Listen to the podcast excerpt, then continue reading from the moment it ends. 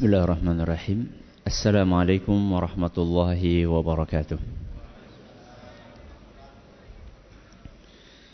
الحمد لله وكفى والصلاة والسلام على رسوله المصطفى وعلى آله وصحبه ومن اختفى أما بعد Kita panjatkan puji dan puji syukur kehadirat Allah Tabaraka wa Ta'ala. Pada kesempatan malam yang berbahagia kali ini. Kita masih kembali diberi kekuatan, kesehatan, hidayah serta taufik dari Allah Jalla wa Ala. Sehingga kita bisa kembali menghadiri pengajian rutin untuk mengkaji adab dan akhlak di dalam Islam di Masjid Jenderal Sudirman Purwokerto ini. Kita berharap semoga Allah Subhanahu wa taala berkenan untuk melimpahkan kepada kita semuanya ilmu yang bermanfaat sehingga bisa kita amalkan sebagai bekal untuk menghadap kepada Allah Jalla wa Ala. Amin. Salam dan salam semoga senantiasa tercurahkan kepada junjungan kita Nabi besar Muhammad sallallahu alaihi wasallam kepada keluarganya, sahabatnya, dan umatnya yang setia mengikuti tuntunannya hingga akhir nanti. Para hadirin dan hadirat sekalian yang kami hormati dan juga segenap pendengar Radio Insani via streaming di mana pun anda berada. Dan juga para pemirsa Surau TV dan Yufi TV yang semoga senantiasa dirahmati oleh Allah Azza wa Jal. InsyaAllah pada pertemuan kali ini kita akan menyelesaikan pembahasan tentang hadis yang kesembilan yang dibawakan oleh Imam Ibn Hajar Al-Asqalani dalam kitab beliau Bulughul Maram Kitabul Jami' yaitu hadis Abu Hurairah radhiyallahu anhu qala Rasulullah sallallahu alaihi wasallam Rasulullah sallallahu alaihi wasallam bersabda la tabda'ul yahuda wan nasara bis salam janganlah kalian mengawali mengucapkan salam kepada orang Yahudi dan Nasrani. Paragraf ini sudah kita selesaikan Alhamdulillah pembahasannya pada dua atau tiga pertemuan yang lalu.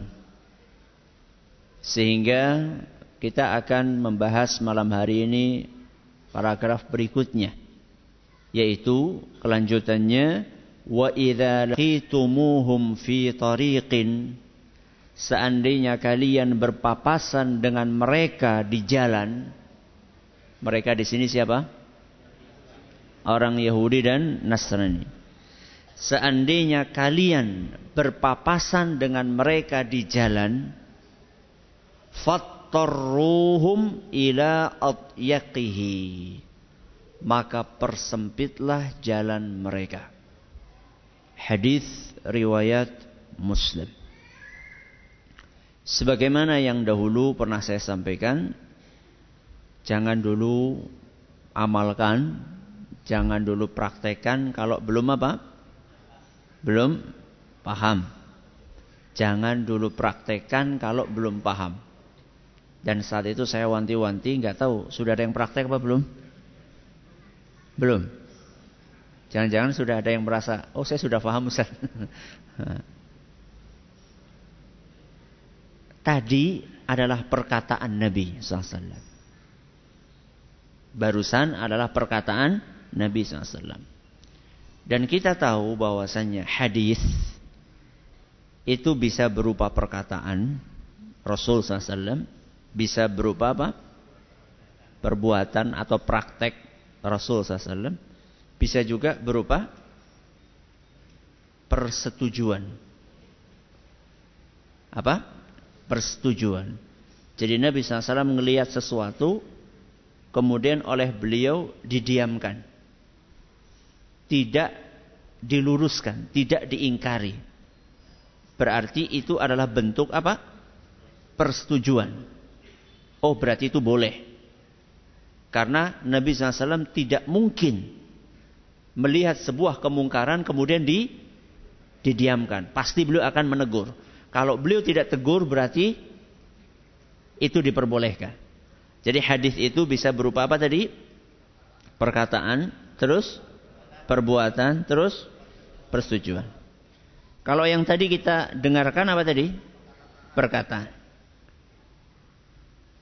Ketika kita tidak faham makna dari perkataan Nabi SAW.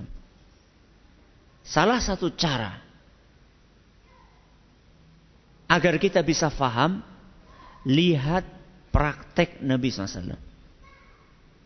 Lihat apa? Praktek Nabi Sallallahu Alaihi Wasallam. Bagaimana Nabi SAW mempraktekkan perkataannya tadi? Alias bagaimana Nabi SAW berinteraksi dengan orang Yahudi dan Nasrani. Apakah Nabi SAW hidup bersama dengan orang Yahudi Nasrani? Hah? Di mana? Madinah? Sama orang Yahudi Nasrani? Yakin? Yakin Yahudi Nasrani? Emang ada orang Nasrani di Madinah? Ada. Baca di buku mana? ya. Di Madinah itu ada orang Yahudi. Kalau orang Nasrani di mana? Habasyah. Habasyah itu mana sekarang? Ethiopia. Terus ada di Syam. Syam itu ya Palestina. Ya, dahulu kan Masjidil Aqsa dikuasai oleh orang Nasrani. Ya. Kemudian e, di mana? Najran, ya, sebuah wilayah jauh dari Madinah. Jadi yang di Madinah itu orang apa? Yahudi. Dari kalangan ahlul kitab. Berarti Nabi SAW hidup bersama dengan orang ahlul kitab, orang Yahudi. Apakah Nabi SAW ketika di Madinah pernah berpapasan dengan orang Yahudi? Pernah nggak? Sangat mungkin pernah. Kemarin kita sampaikan Nabi SAW sedang naik apa? Keledainya, naik tunggangannya, beliau lewat. Di situ ada orang Yahudi, ada kaum musyrikin, ada kaum muslimin. Berarti Nabi Shallallahu Alaihi Wasallam di Madinah itu sering berpapasan dengan orang Yahudi dan eh, orang Yahudi maaf kok Nasrani orang apa Yahudi dan Yahudi sudah mewakili ahlul kitab ya. Nabi Shallallahu Alaihi Wasallam di Madinah dalam kesehariannya beliau biasa bertemu dengan orang Yahudi di jalan yang jadi pertanyaan apakah Nabi SAW ketika papasan dengan orang Yahudi di jalan-jalan kota Madinah. Apakah beliau sallallahu alaihi wasallam mepet? Apa mepet? Mendesak sampai orang Yahudi itu kejegelung. Itu pertanyaan penting. Pertanyaan sangat penting.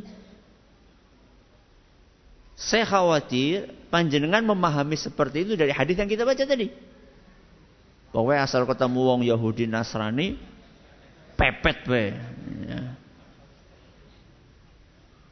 Nek perlu anak tembok yang nanti Apakah seperti itu yang dipraktekkan oleh Nabi SAW?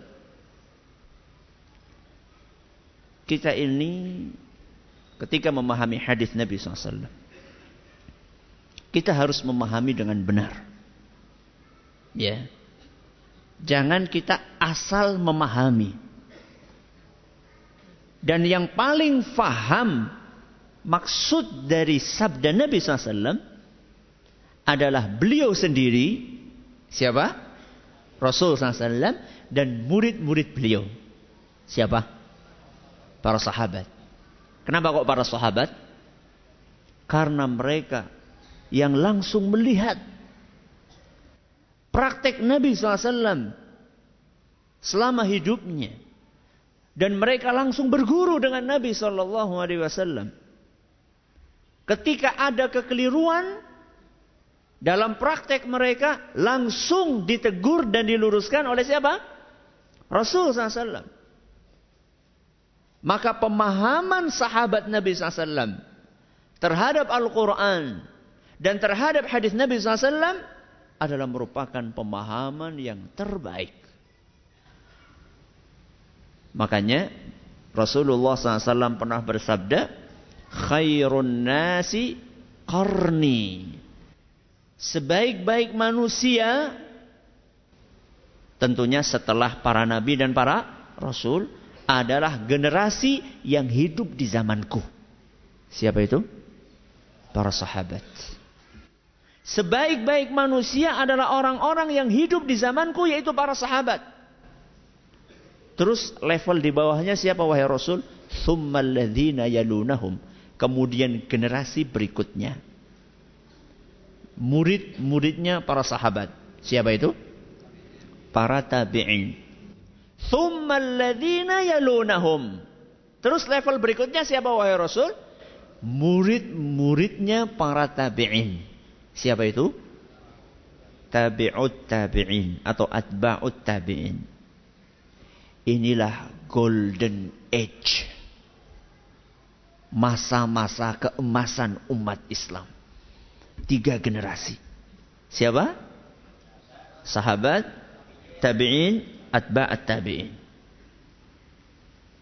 Dan pemahaman mereka, terutama para sahabat Rasul SAW, terhadap Al-Quran dan hadis Nabi SAW, itulah pemahaman yang paling tepat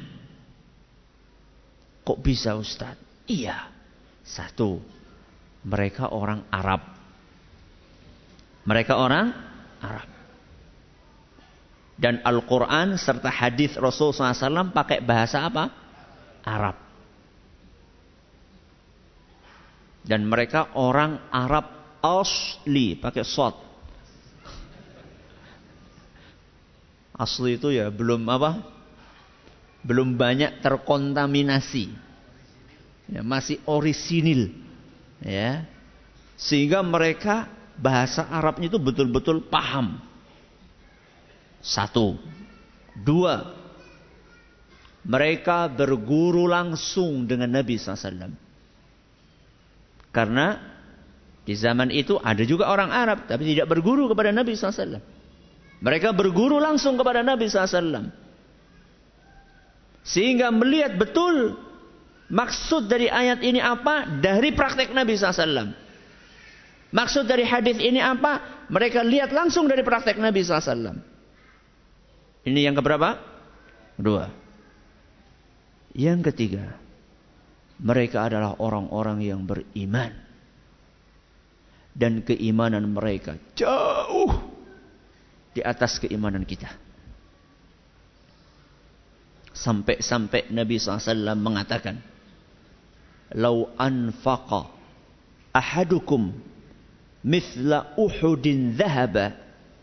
Seandainya kalian berinfak emas sebesar gunung Uhud. Berapa?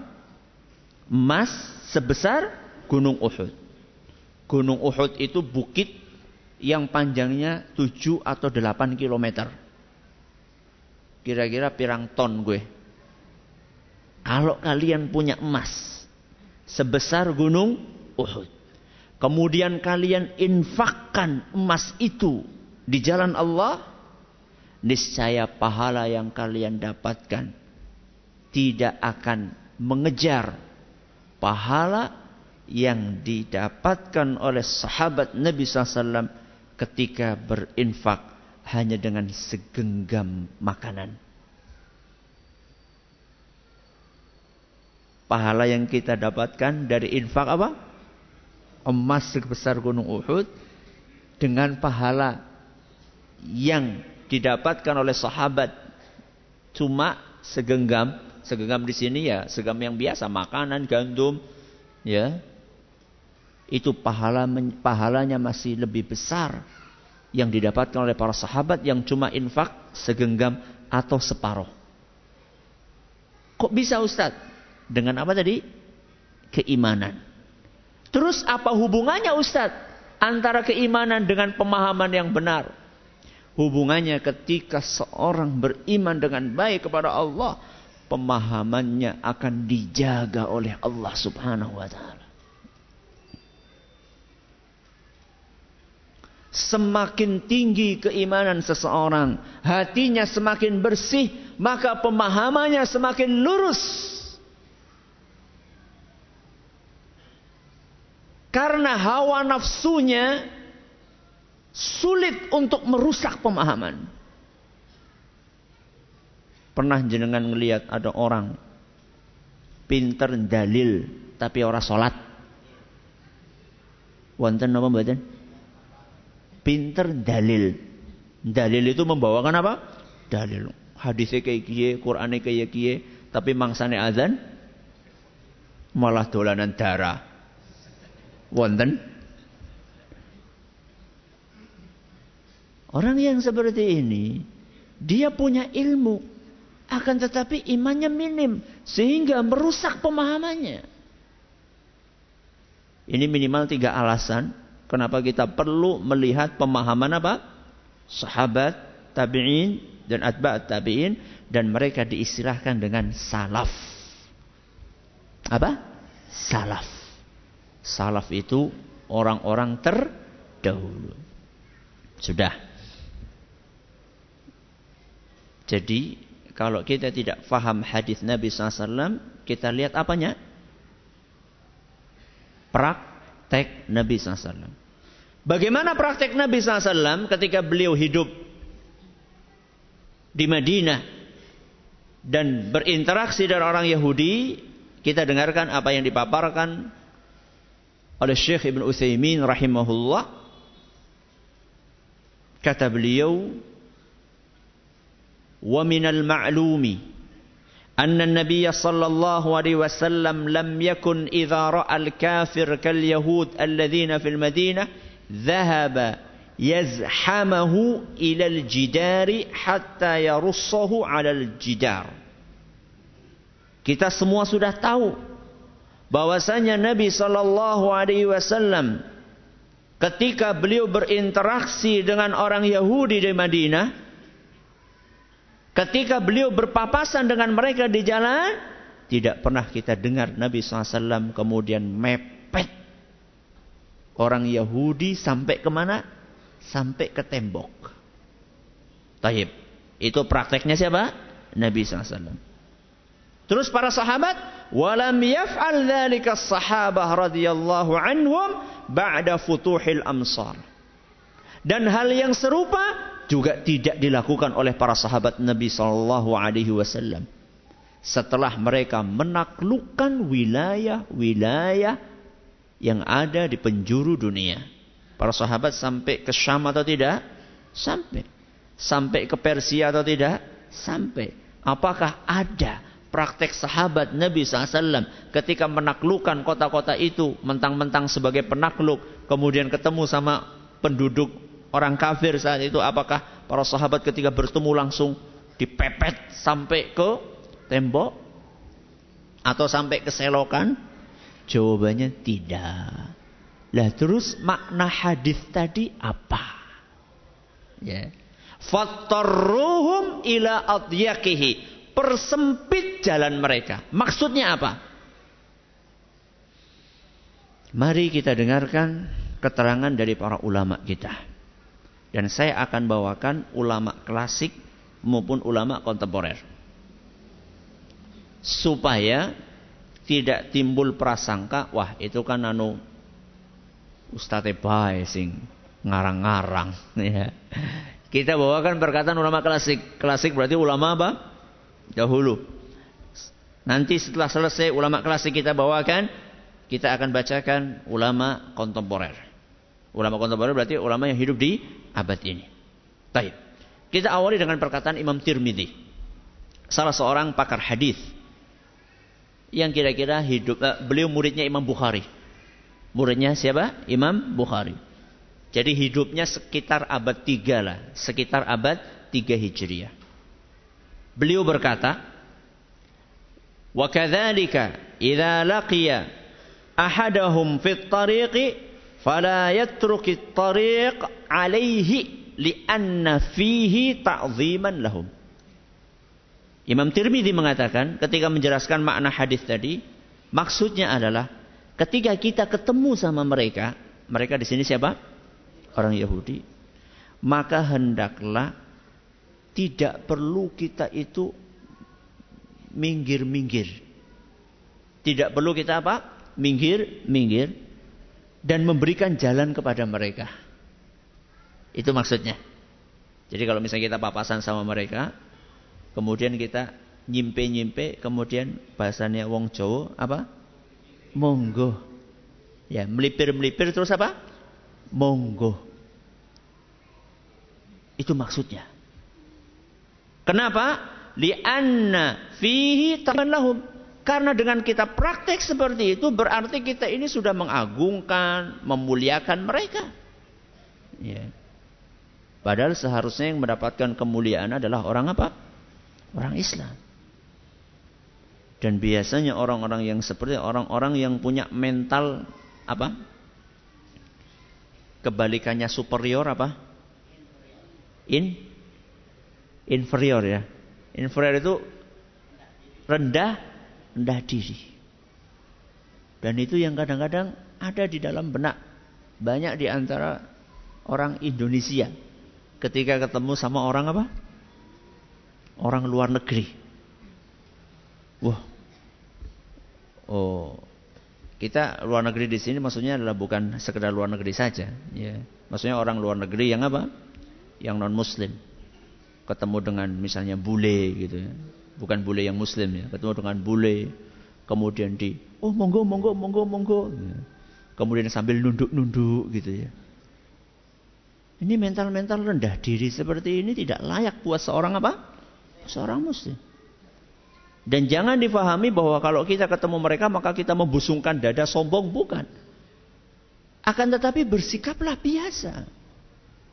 Kita jangan jadi orang-orang yang punya mental pengekor. Pokoknya asal apa dilakukan oleh orang barat terus kita apa? Ikut-ikutan. Dan itulah yang terjadi di zaman kita ini. Orang barat bikin Valentine Day. Orang Islam apa? Ikut-ikutan bikin apa? Valentine Day. Ketika ditanya apa sih Valentine Day? Hari kasih sayang. Terus bagaimana cara mengungkapkan kasih sayang? Kita belikan coklat. Berarti nek wis coklat wis gitu ya. Kita tidak sadar pelan-pelan mereka ingin membuat hari itu tanggal berapa? Tanggal berapa? Oh, pura-pura rapel. tanggal 14 Februari ya, betul? 14 Februari. Mereka pelan-pelan pertama coklat, lama-lama just kiss. Cuma apa? Ciuman. Lama-lama naudzubillah min dan itu sudah mulai. Makanya ada coklat dijual plus kondom. Apa maksudnya? Hari itu halal zina. Dan kita nggak tahu, nggak sadar. Yang penting segala apa yang dari barat itu adalah sebuah kemodernan, peradaban. Bahkan sampai kalau orang barat itu nganeh-nganeh, ikut-ikutan. Mereka bikin gaya rambut mohak. Tahu mohak? Ya, sing ngadek kayak gitu. Ya. Itu kan mirip landak itu. Kok mau-maunya kita ikut-ikutan? Ya. Terjadilah apa yang disampaikan oleh sabda Nabi, eh, apa yang disampaikan oleh Rasul SAW. La tattabi'unna sanana man kana qablakum hadwal qudzati bil quddah. Kalian umat Islam akan mengekor orang-orang sebelum kalian langkah per langkah. Kelanjutan hadisnya, hatta lau dakhalu juhra dabbin la dakhaltumuh. Sekalipun seandainya mereka orang-orang sebelum kalian masuk ke liangnya binatang namanya bob. Apa namanya? Dob. Apa dob? Nama binatang. Dia itu bukan komodo. Dia itu biawak juga bukan. Terlalu besar biawak. Apa? Kadal kekecilan. Kadal kekecilan. Ya. Jadi binatang ya mirip kayak uh, biawak tapi lebih kecil lagi. Mirip kayak iguana tapi bukan iguana. Ya, jadi binatang yang tinggalnya di padang pasir biasanya dia itu punya liang di dalam tanah. Kata Nabi SAW beliau mengumpamakan andaikan mereka orang sebelum kalian itu masuk ke liangnya binatang namanya dob maka kalian pun akan ikut-ikutan masuk. Kenapa kok dipilih apa? Dob. Apakah nggak ada binatang yang lain? Coro, misalnya, atau ular. Ular di zaman Nabi dikenal nggak? Ada ular. Kenapa kok bukan ular? Kenapa Bob? Para ulama mengatakan Bob itu kalau dia gali liang, gali lobang, itu dia itu nggak gali lurus. Ya, Nggak seperti belut. Kalau belut kan di lurus. Ya. Cekal buntutnya, tarik jebule ulah. kan gampang, lurus. Kalau dia enggak, dob itu dia cerdik. Dia tahu dob ini dikejar oleh binatang-binatang yang lainnya. Ya, dimangsa oleh binatang-binatang yang lainnya. Dan biasanya binatang-binatang yang mangsa dob, dia akan masuk ke mana? liangnya dob. Maka dob ini dia bikin liang bercabang-cabang. Bikin tipuan. Jadi dia ada gali ke kanan, ada gali ke kiri, nanti di kanan dia gali ke kanan lagi, ke kiri lagi. Dia bikin bercabang-cabang liangnya supaya kalau dia dikejar oleh musuh, musuhnya akan kehilangan jejak. Itulah binatang dhab. Berarti sarangnya itu sulit atau gampang? Sulit. Kata Nabi SAW. Andaikan orang sebelum kalian masuk ke liang yang sulit. Maka kalian akan ikut-ikutan masuk ke liang itu. Walaupun liang itu sulit. Siapa yang dimaksud orang-orang sebelum kalian? Para sahabat bertanya, Ya Rasulullah ahumul yahud wan nasara. Apakah yang dimaksud dengan orang-orang sebelum kami lah orang Yahudi dan Nasrani? Kata Nabi SAW, siapa lagi kalau bukan mereka? Dan terjadi sekarang. Keluar celana sing sempit banget. Apa jenengannya? Lah wis kayak gue lah, aku angel kalau biar naruh nirokakan. Celana yang sempit banget, levis yang sempit banget. Kemudian ada sobek-sobeknya kanan kiri, kanan kiri. Mereka pakai itu, ikut kita pakai itu. Bukan kita maaf.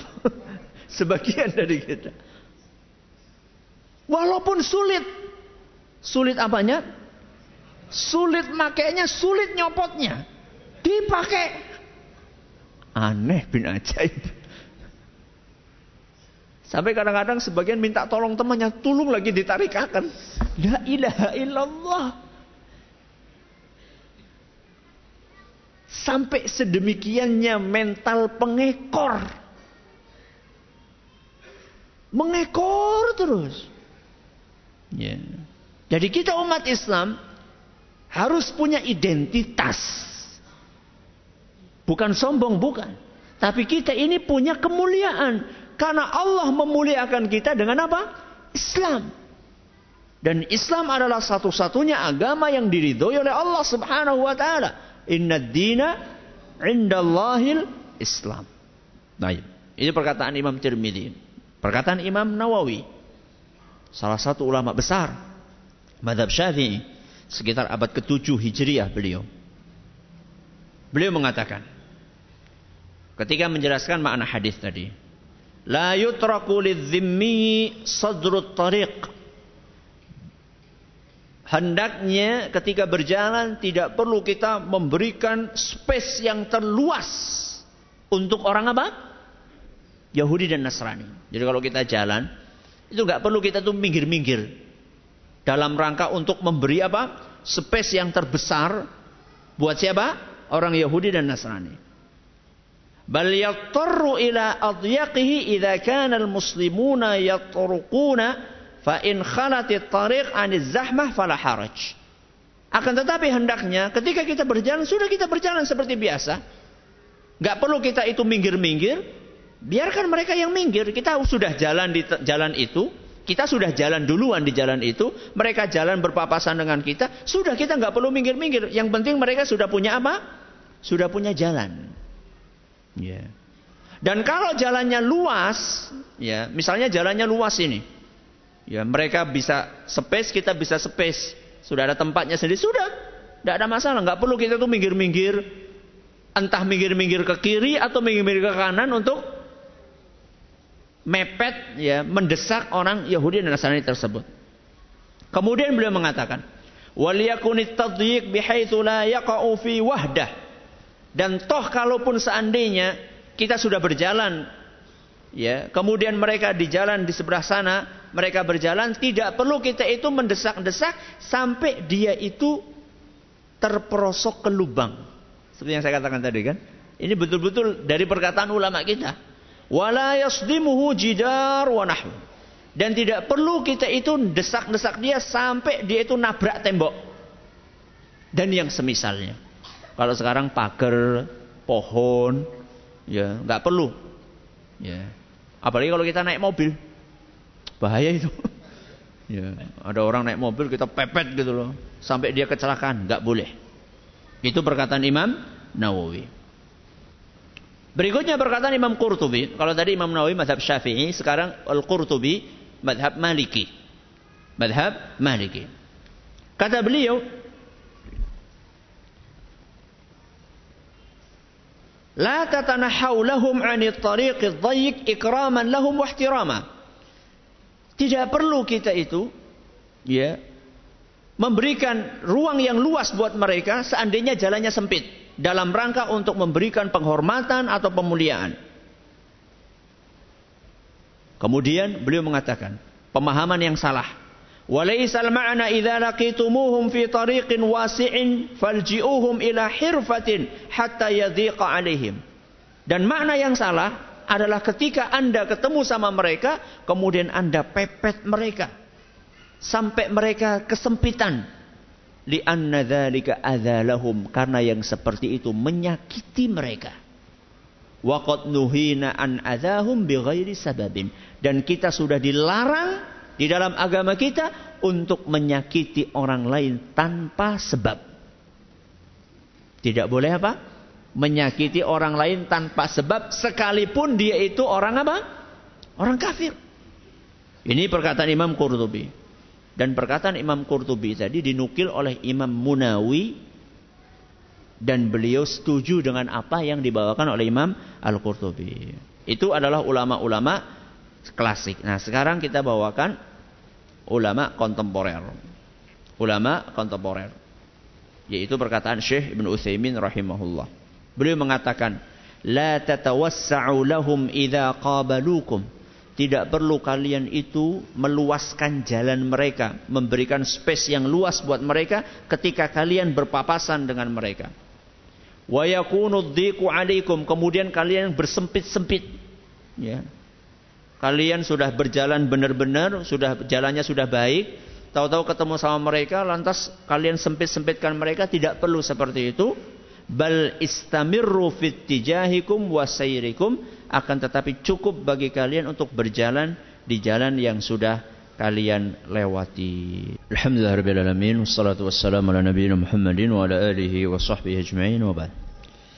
Jamaah yang kami hormati, dari paparan yang tadi kita bawakan perkataan para ulama kontemporer maupun klasik sebelumnya, maka kesimpulan akhirnya bahwa makna dari hadis tadi adalah apabila kita berpapasan dengan orang-orang Yahudi dan Nasrani atau orang-orang non-Muslim, maka tidak perlu kita itu minggir-minggir. Tidak perlu kita itu melipir-melipir.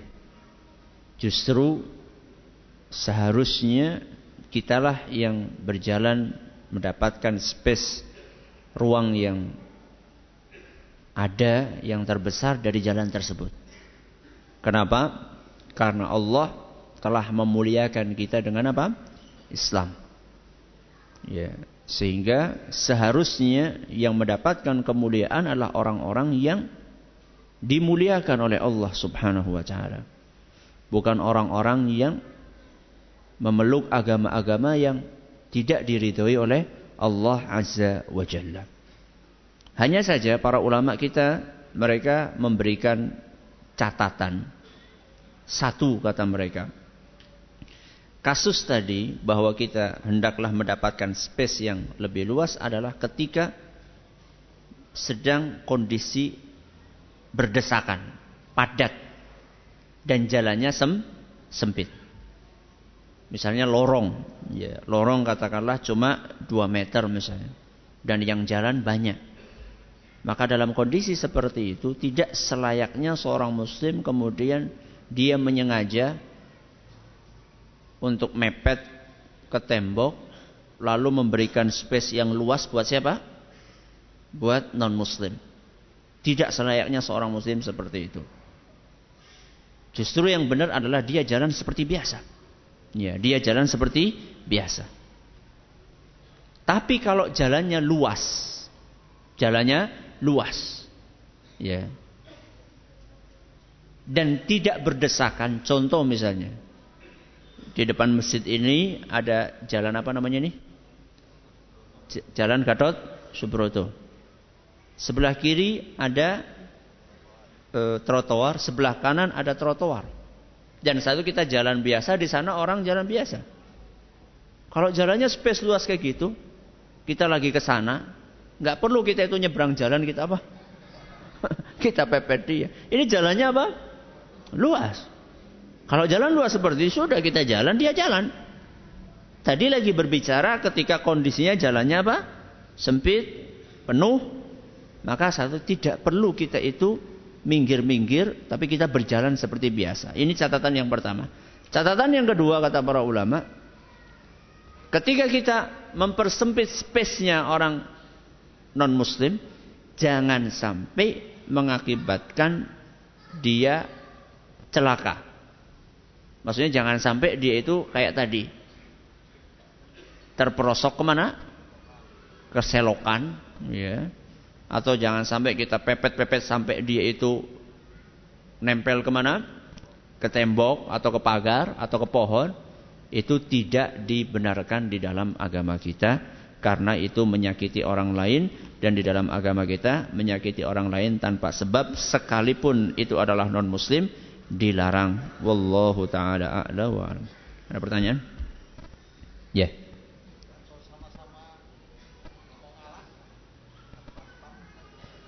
Kalau sama-sama nggak mau ngalah, ya. Yeah. Kalau sama-sama nggak mau ngalah, artinya jalannya cuma cukup untuk satu orang gitu ya. Cukup untuk satu orang. Maka apakah dalam saat itu berlaku kaidah sing waras ngalah. Maka kondisinya kita lihat. Apakah kita bisa tetap berjalan kita duluan atau tidak. Kalau misalnya kita bisa tetap kita yang berjalan duluan, dia yang apa? Dia yang minggir, maka itu lebih baik. Kecuali kalau itu akan menimbulkan keributan. Kalau kita lakukan itu akan menimbulkan apa? keributan yang berkepanjangan. Maka dalam saat itu kita praktekkan kaidah sing waras ngalah. Ya. Jadi kita lakukan itu bukan karena kita merasa lebih rendah dibandingkan mereka. Tapi karena menghindari efek negatif yang lebih besar. Atau istilah agamanya mafsadah. Menghindari mafsadah yang lebih besar. Masa hanya gara-gara kayak gitu kemudian terjadi ketidakharmonisan hubungan antara dua agama. Kayak gitu kan berarti kan efeknya itu lebih besar, efek negatifnya lebih besar. Wallahu a'lam besar. Ya. Yang lain? Cukup? Ini yang dapat kami sampaikan. Terima kasih atas perhatiannya. Menurut segala kurangnya kita tutup dengan membaca Subhanakallahumma wa bihamdika asyhadu an la ilaha illa anta astaghfiruka wa atubu ilaik. Assalamualaikum warahmatullahi wabarakatuh.